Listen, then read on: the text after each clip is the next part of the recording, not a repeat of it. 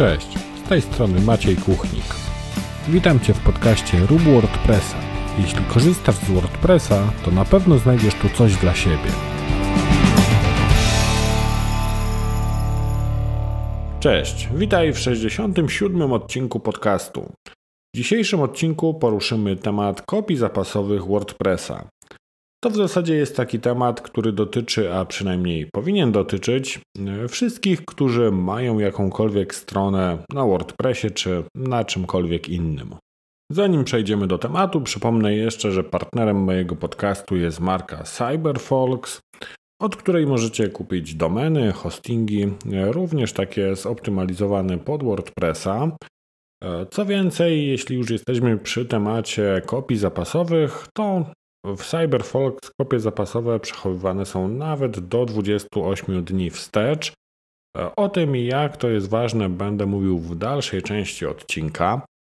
Jeśli nie subskrybujesz jeszcze mojego podcastu w jednej z aplikacji podcastowych bądź na YouTubie, to zachęcam Cię do zostawienia subskrypcji. Będziesz wtedy zawsze na bieżąco z nowymi odcinkami.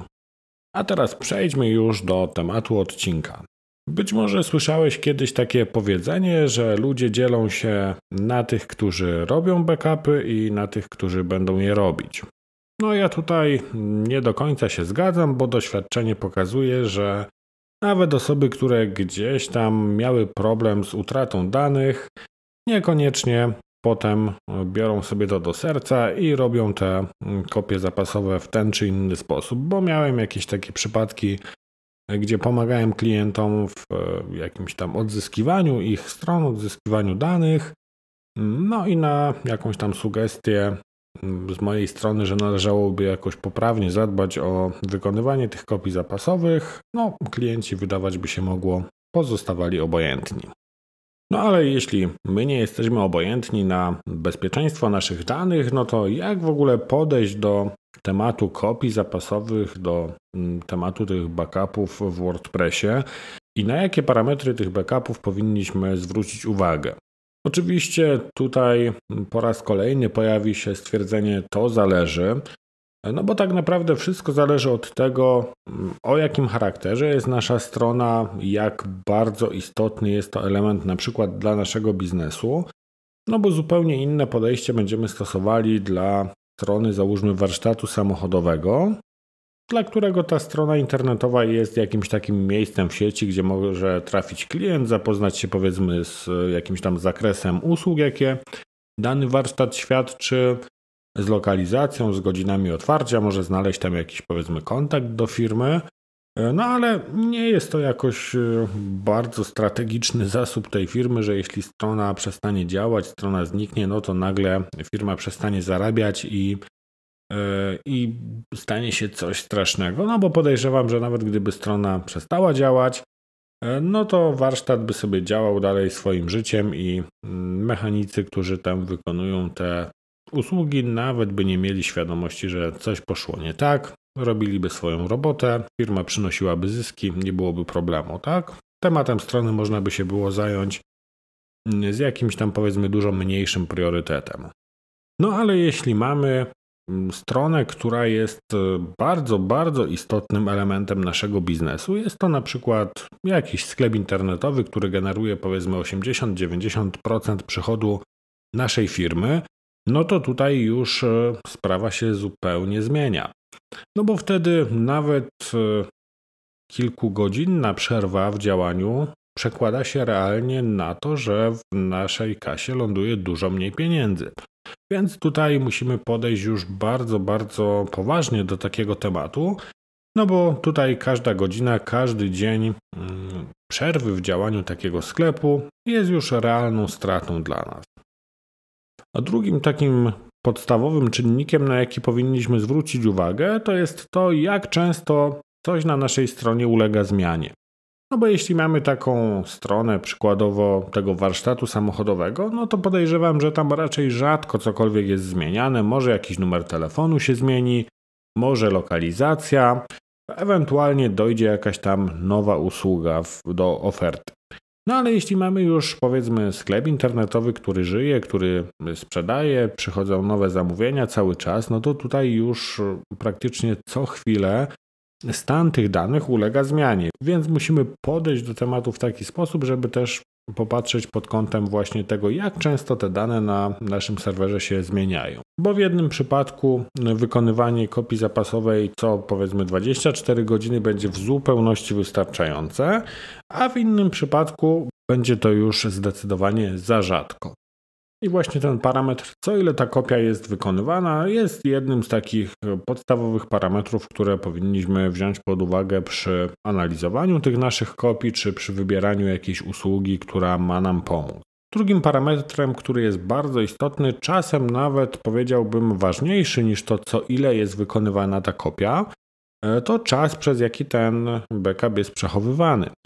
No bo tutaj e, to, że kopia jest robiona załóżmy co 24 godziny, czy powiedzmy nawet częściej, powiedzmy co 12 czy co 6 godzin, no fajnie, że często ta kopia jest robiona, no ale co z tego, jeśli na przykład ta kopia będzie przechowywana tylko powiedzmy dzień, dwa dni wstecz. Tutaj wtedy mm, mamy problem, bo jeśli potrzebujemy danych, powiedzmy tego stanu z przed tygodnia, sprzed dwóch tygodni, no to pojawia się problem, bo E, te kopie zapasowe zostały już nadpisane przez kolejne wersje. I przypomina mi się tutaj taka sytuacja, gdzie mm, z serwera klienta zniknęły pliki ze zdjęciami i pech chciał, że to gdzieś tam się wydarzyło bodajże w czwartek albo piątek. Klient całą sytuację zauważył dopiero po weekendzie, E, okazało się, że faktycznie brakuje e, zdjęć w WordPressie. Przyczyna tam była zupełnie inna, niezależna od WordPressa. W każdym razie no, zabrakło plików graficznych. No to stwierdziłem, ok, to nie ma problemu. E, przywrócimy mm, te zdjęcia z backupu, wszystko wróci do normy. No i co się okazało? Mm, backup owszem był robiony, był robiony co 24 godziny, natomiast problemem było to, że była przechowywana tylko jedna kopia. Więc jeśli całe zdarzenie miało miejsce, załóżmy tam we czwartek, e, no to mm, w piątek backup, e, który został wykonany, został już wykonany bez tych plików, które zostały usunięte, a wszystkie wcześniejsze kopie zostały usunięte. Więc w praktyce taka kopia jest po prostu bezużyteczna, więc zawsze też warto zwrócić uwagę na to, jak długo ten, mm, te kopie są przechowywane, jak daleko możemy się cofnąć, i z jakiego czasu możemy sobie przywrócić właśnie czy to pliki, czy bazę danych. Wspomniałem tutaj o plikach i o bazie danych, bo żeby poprawnie zrobić kopię zapasową WordPressa, no to musimy właśnie zabezpieczyć te dwa elementy. Czyli wszystkie pliki, które znajdują się w katalogu, w którym jest zainstalowany nasz WordPress. I drugim takim elementem jest baza danych, która przechowuje wszelkie informacje na temat właśnie Mm, użytkowników, treści, ewentualnie zamówień, produktów, jeśli byłby to sklep internetowy. Więc te dwa elementy są potrzebne, abyśmy mieli jakby wszystkie dane, które są potrzebne do odtworzenia naszej strony. Rodzaje tych kopii zapasowych podzieliłem sobie na takie powiedzmy cztery kategorie.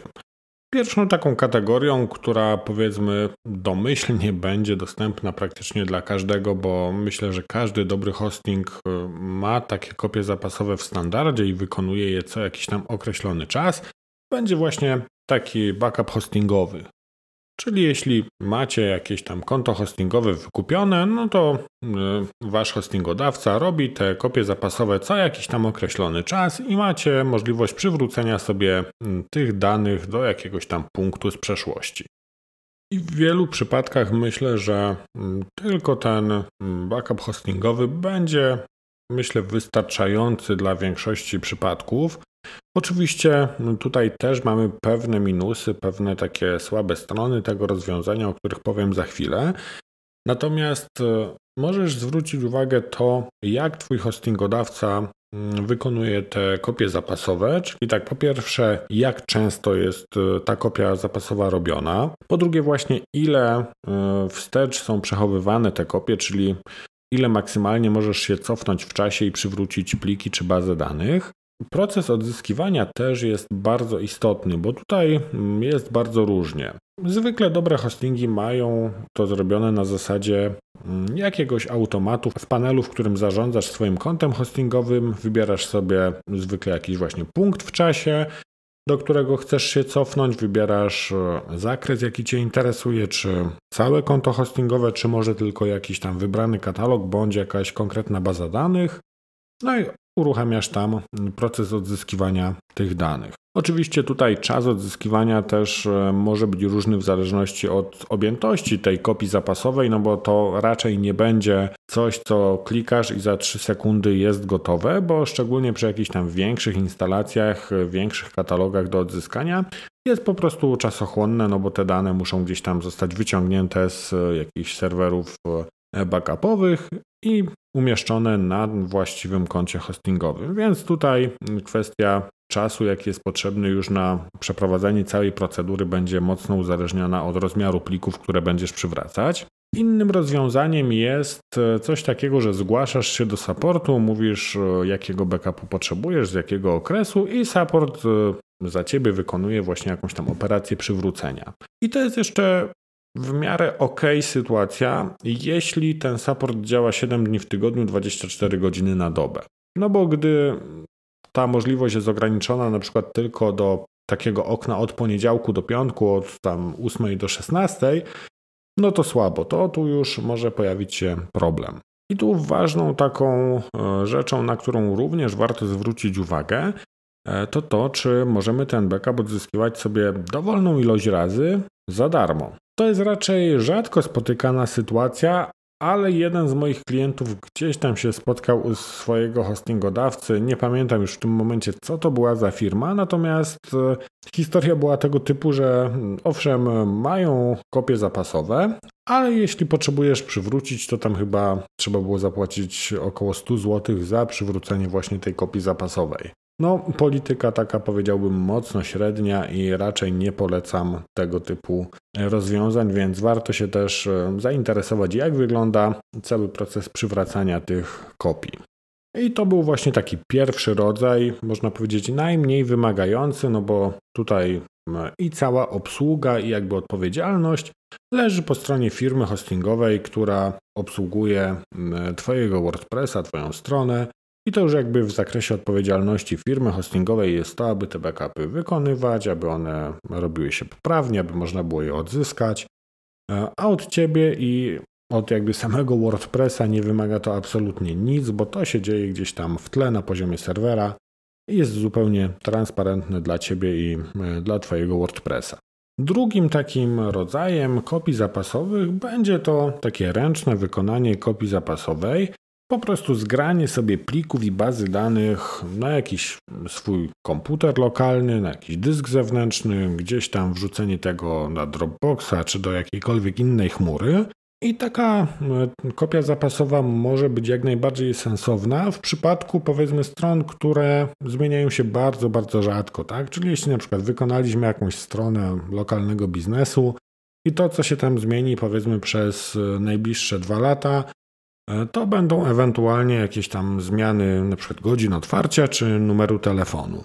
No to wtedy taka kopia zapasowa wykonana właśnie w ten sposób, że zgrywamy sobie pliki, zgrywamy sobie bazę danych e, i trzymamy sobie gdzieś to na jakimś e, naszym lokalnym dysku. No, bywa często wystarczająca i nawet wykonana kilka miesięcy wcześniej zawiera powiedzmy 1 do 1 albo prawie 1 do 1 stan taki, jaki E, jest pożądany w danym momencie.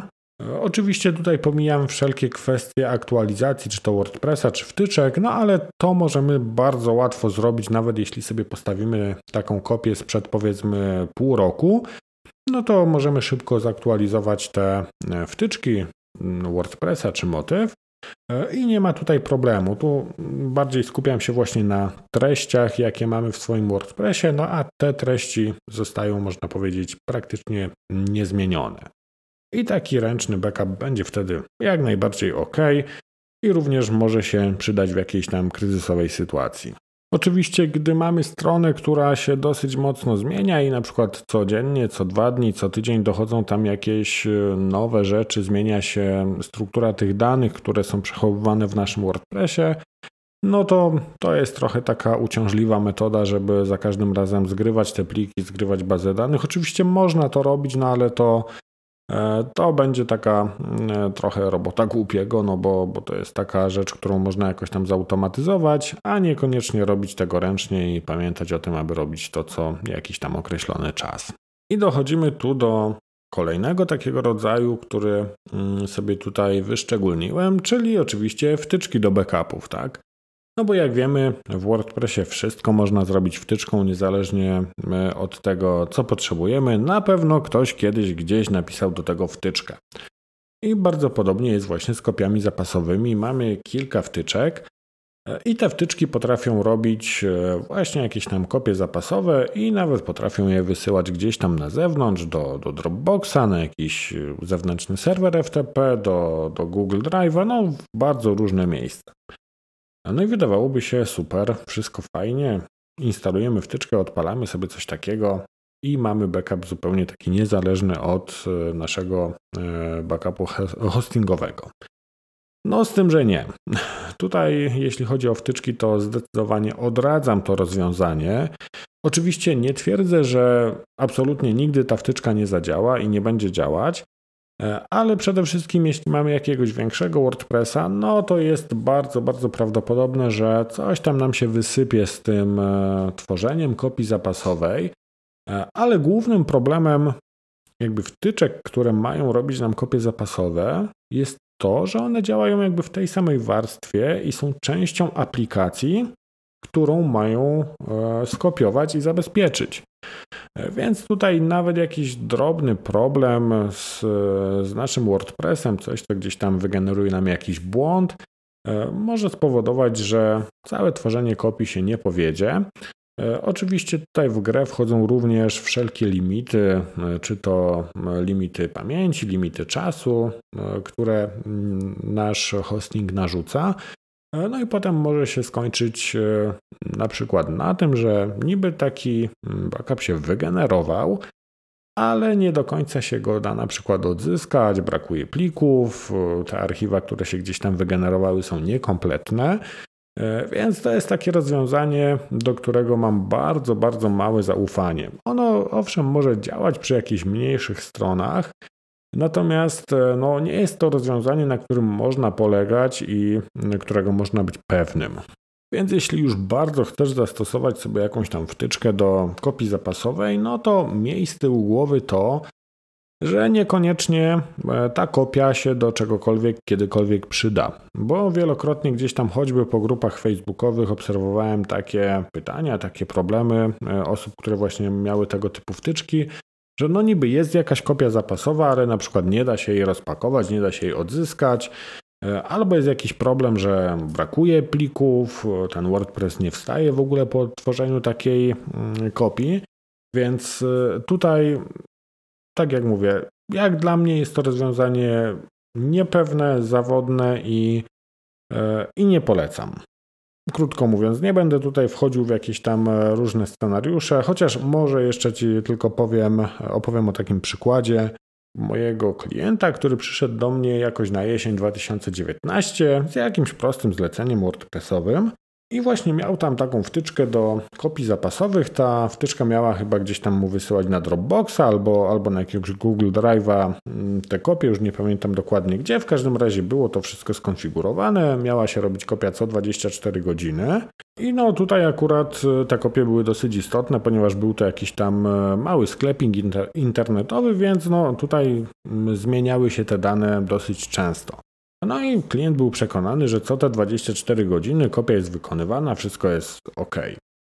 No i jak sobie gdzieś tam zajrzałem do, do mm, tej wtyczki, jak to jest skonfigurowane, jakie te kopie mamy dostępne do odzyskania, no to owszem, wtyczka działała, ale jakoś w okolicach połowy roku 2017 przestała. Nie wiadomo dlaczego.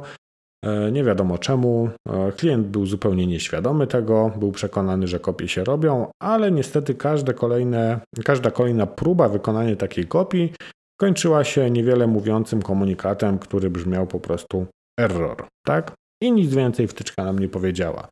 Więc jak widzicie, no, życie pokazuje, że te wtyczki to nie jest dobre rozwiązanie i nie jest to przede wszystkim takie rozwiązanie, na którym możemy polegać rozwiązanie, co do którego możemy mieć pewność, że po prostu jeśli zaplanowaliśmy sobie te kopie co 24 godziny, to że one będą właśnie tak wykonywane. I również tutaj pod kątem bezpieczeństwa no, jest to takie dosyć mocno dyskusyjne, no bo dajemy e, możliwość tej wtyczce e, wysyłania gdzieś tam naszych danych e, na zewnątrz i mm, tutaj wchodzą również takie aspekty prawne, o których jeszcze za chwilę będę mówił. I czwarty taki rodzaj mm, kopii zapasowej czy, czy narzędzia, którym możemy się posłużyć, aby taką kopię sobie robić, E, jest to jakiś tam skrypt, jakieś rozwiązanie, ale już działające na poziomie naszego serwera, a nie na poziomie WordPressa, czyli nie na poziomie aplikacji, tylko jakby warstwę niżej. I taki skrypt może nam po prostu zrzucać bazę danych, pakować pliki i wysyłać gdzieś tam na jakąś zewnętrzną lokalizację. E, może to pakować po prostu w całości, możemy sobie to zrobić też na zasadzie takiego e, backupu przyrostowego, Gdzieś tam w jednym z, ze swoich e, mm, rozwiązań mam coś takiego, że co tydzień jest wykonywana taka pełna kopia, a potem przez e, bodajże tam w niedzielę, a potem e, przez kolejne dni tygodnia są dogrywane tylko te pliki, które uległy zmianie właśnie od momentu wykonania tej kopii matki, powiedzmy, tak?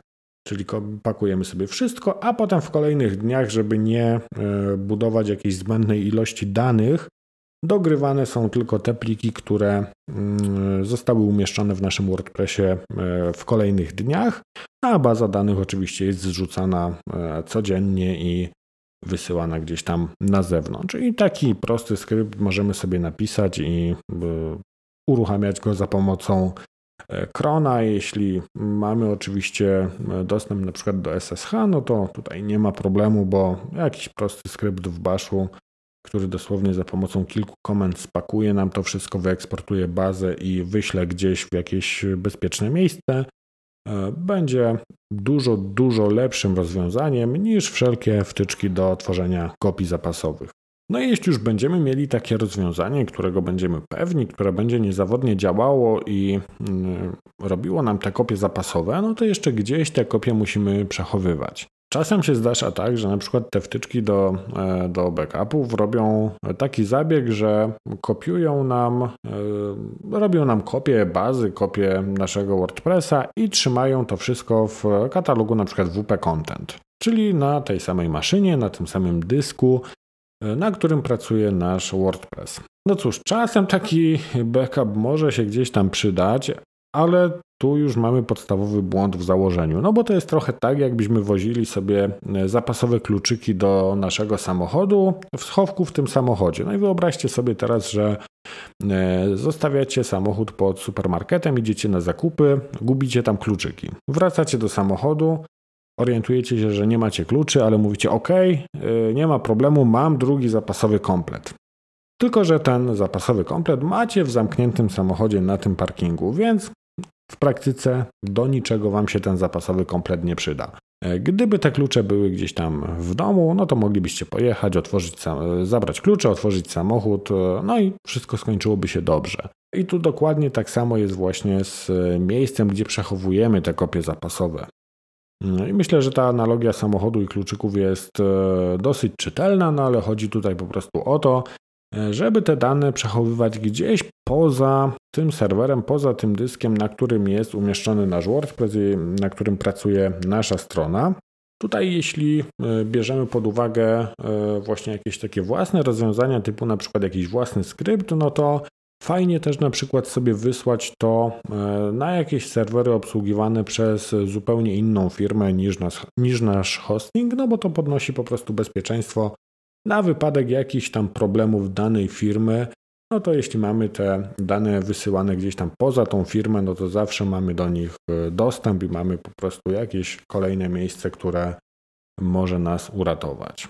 I mogą być to albo jakieś dedykowane usługi do przechowywania backupu, e, jakieś usługi chmurowe typu S3 od Amazona, czy OVH na przykład też miało podobne rozwiązanie chmurowe pozwalające przechowywać backupy i swoją drogą ono wychodziło bardzo tanio, jeśli e, chodzi o przechowywanie tych danych. Dane były przechowywane bodajże chyba w trzech serwerowniach, więc to było takie rozwiązanie dedykowane do, e, do przechowywania backupów. E, kiedyś z niego korzystałem właśnie u jednego klienta i sprawdzało się bardzo dobrze i było stosunkowo tanie. E, oczywiście możemy tutaj się posiłkować ewentualnie jakimiś rozwiązaniami typu Dropbox, Google Drive i tego typu e, sprawy. Natomiast zawsze też jeszcze powinniśmy pamiętać o kwestiach przetwarzania danych osobowych. No bo jeśli mamy na przykład sklep, no to w tych kopiach będą zawarte na przykład e, dane osobowe naszych klientów, no i tutaj mm, kwestia tego, gdzie te dane, w jakiej formie te dane są przesyłane. Czy na przykład nie przesyłamy ich gdzieś tam poza obszar Unii Europejskiej, czy do jakiegoś państwa, które gdzieś tam w jakiś e, inny sposób na przykład podchodzi do kwestii prywatności i tak dalej. E, przy czym no, tu już e, będzie to bardziej temat do prawnika, żeby mm, skonsultować to wszystko na poziomie tworzenia regulaminów, polityk prywatności i tak dalej. Natomiast warto też o tym zawsze pomyśleć, gdzie te nasze dane się będą znajdowały i, i żeby odpowiednio też e, zabezpieczyć się pod kątem prawnym. No i jeśli już mamy jakiś tam ten nasz idealny scenariusz do tworzenia tych kopii zapasowych, wszystko nam poprawnie działa, no to kolejny krok, czyli odzyskiwanie tych danych. E, powiedziałbym nawet, że chyba ważniejszy niż e, samo tworzenie kopii, a bardzo często zupełnie pomijany po prostu ignorowany na zasadzie ok, tworzą nam się kopie zapasowe, jest super, jesteśmy bezpieczni. Natomiast no, przynajmniej raz na jakiś czas e, dobrze by było sobie sprawdzić, czy e, te kopie, które gdzieś nam się tworzą, e, są w ogóle do odzyskania, czy te paczki zawierają wszystkie pliki, jakich potrzebujemy, czy przypadkiem te archiwa nie są w jakiś sposób uszkodzone bądź niekompletne. Więc na pewno taka kontrola e, co jakiś czas, czy wszystko jest w porządku, no będzie tutaj bardzo, bardzo ważna i bardzo podniesie bezpieczeństwo, bo wyłapiemy jakieś e, powiedzmy odstępstwo od normy, czy niepożądane działania na etapie testów, a nie na etapie takim, gdy stracimy dane i będziemy potrzebowali szybko je odzyskać. I właśnie często w takich sytuacjach, gdy coś nam się wysypie, a ta nasza strona jest e, powiedzmy jakimś takim kluczowym elementem e, biznesu czy jakiejś tam większej układanki, e, no to warto mieć też przygotowaną procedurę na wypadek takiej awarii. I często taka procedura może być właśnie też przygotowana w taki sposób, że na przykład jeśli mm, załóżmy mm, działacie w jakimś bardzo małym zespole, czy działacie samodzielnie, no to często e, taka procedura może posłużyć e, komuś z zewnątrz e, w odzyskaniu tych danych, gdy na przykład wy będziecie niedostępni, bo nie wiem, będziecie chorzy, będziecie w szpitalu, coś tam się jeszcze innego wydarzy. A nawet jeśli to wy będziecie odzyskiwać taką kopię, no to wtedy zawsze, jeśli mamy jakąś checklistę, jakąś procedurę wcześniej przygotowaną, po prostu nie zastanawiamy się, nie kombinujemy, a zawsze w takich sytuacjach dochodzi jakiś tam stres, pośpiech i tak dalej. A mając taką procedurę przygotowaną, możemy sobie po prostu bardzo szybko, bardzo sprawnie poradzić, odzyskać te dane e, i wszystko idzie szybko i sprawnie.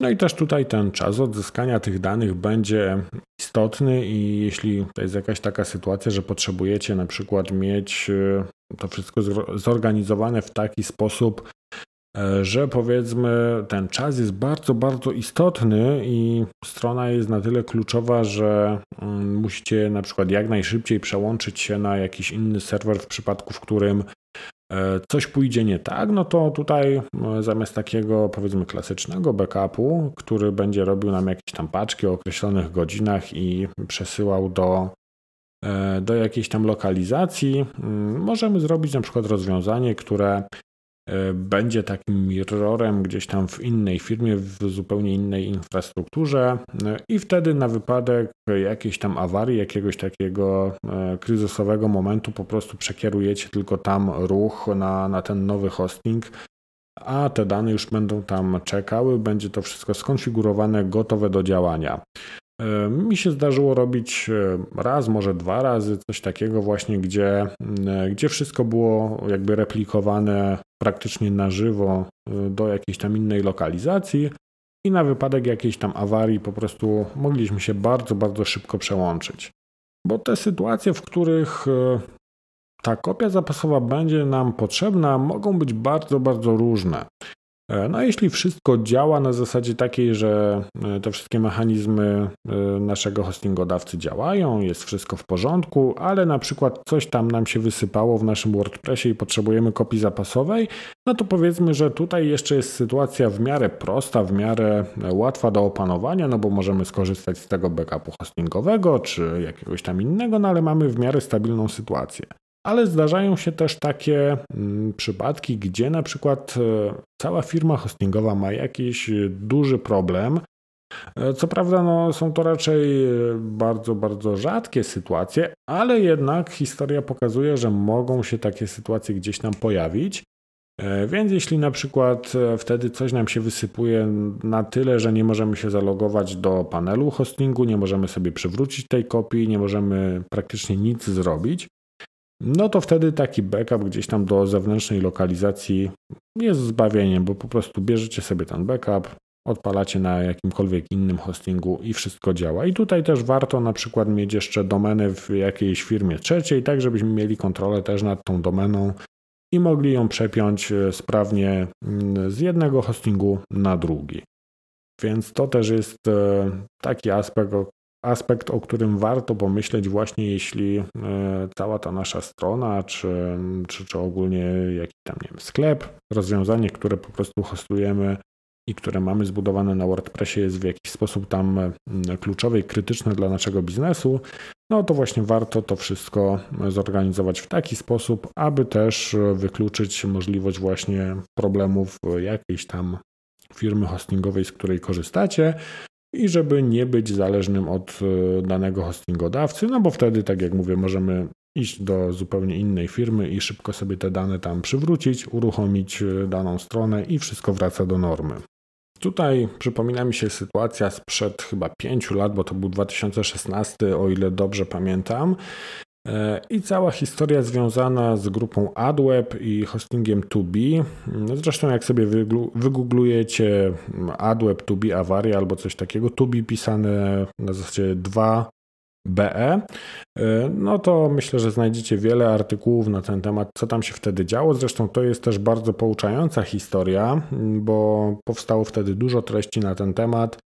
E, wręcz niektóre artykuły czytałem jak e, taki powiedziałbym dobry serial codziennie, gdzieś tam odcinek takiego, takiej historii, co tam się dzieje w temacie, a tam naprawdę było grubo, także mm, zachęcam do, do zapoznania się z tym tematem, jeśli o nim nie słyszeliście. E, no, w skrócie tam była potężna utrata danych, i właśnie jeśli ktoś nie miał jakiegoś takiego niezależnego mm, backupu gdzieś tam na zewnątrz, no to w większości przypadków po prostu został z niczym, ale to sobie już tam doczytacie. Podsumowując ten odcinek, który jak widzę wyszedł dosyć długi, e, no to przede wszystkim mm, pamiętajcie o tym, żeby częstotliwość e, tworzenia tych kopii i czas przechowywania dobrać do Waszej sytuacji, do Waszego WordPressa, do charakteru Waszej strony. Po drugie, testujcie, czy te kopie, które gdzieś tam się robią, na pewno są mm, pełne, na pewno dają się odzyskać. Po trzecie, przygotujcie sobie procedurę na wypadek awarii. Po czwarte, nie używajcie wtyczek, bo to naprawdę nie jest rozwiązanie godne zaufania. No i po piąte, przede wszystkim róbcie kopię. I dbajcie o to, żeby zawsze tą kopię mieć, bo e, jak zwykle w takich przypadkach bywa, w najmniej oczekiwanym momencie coś się wysypie i ta kopia będzie Wam potrzebna, a czasem naprawdę taka zewnętrzna kopia gdzieś tam może uratować e, życie tym odcinku to tyle. Zachęcam Cię również do podzielenia się jakimiś Twoimi problemami bądź ciekawymi historiami związanymi z utratą danych bądź odzyskiwaniem tych danych. I zostaw w komentarzu, czy gdzieś na Facebooku, na Instagramie, czy ewentualnie w komentarzach do tego odcinka na maciejkuchnik.pl łamane na 067. Do usłyszenia w kolejnym odcinku. Cześć!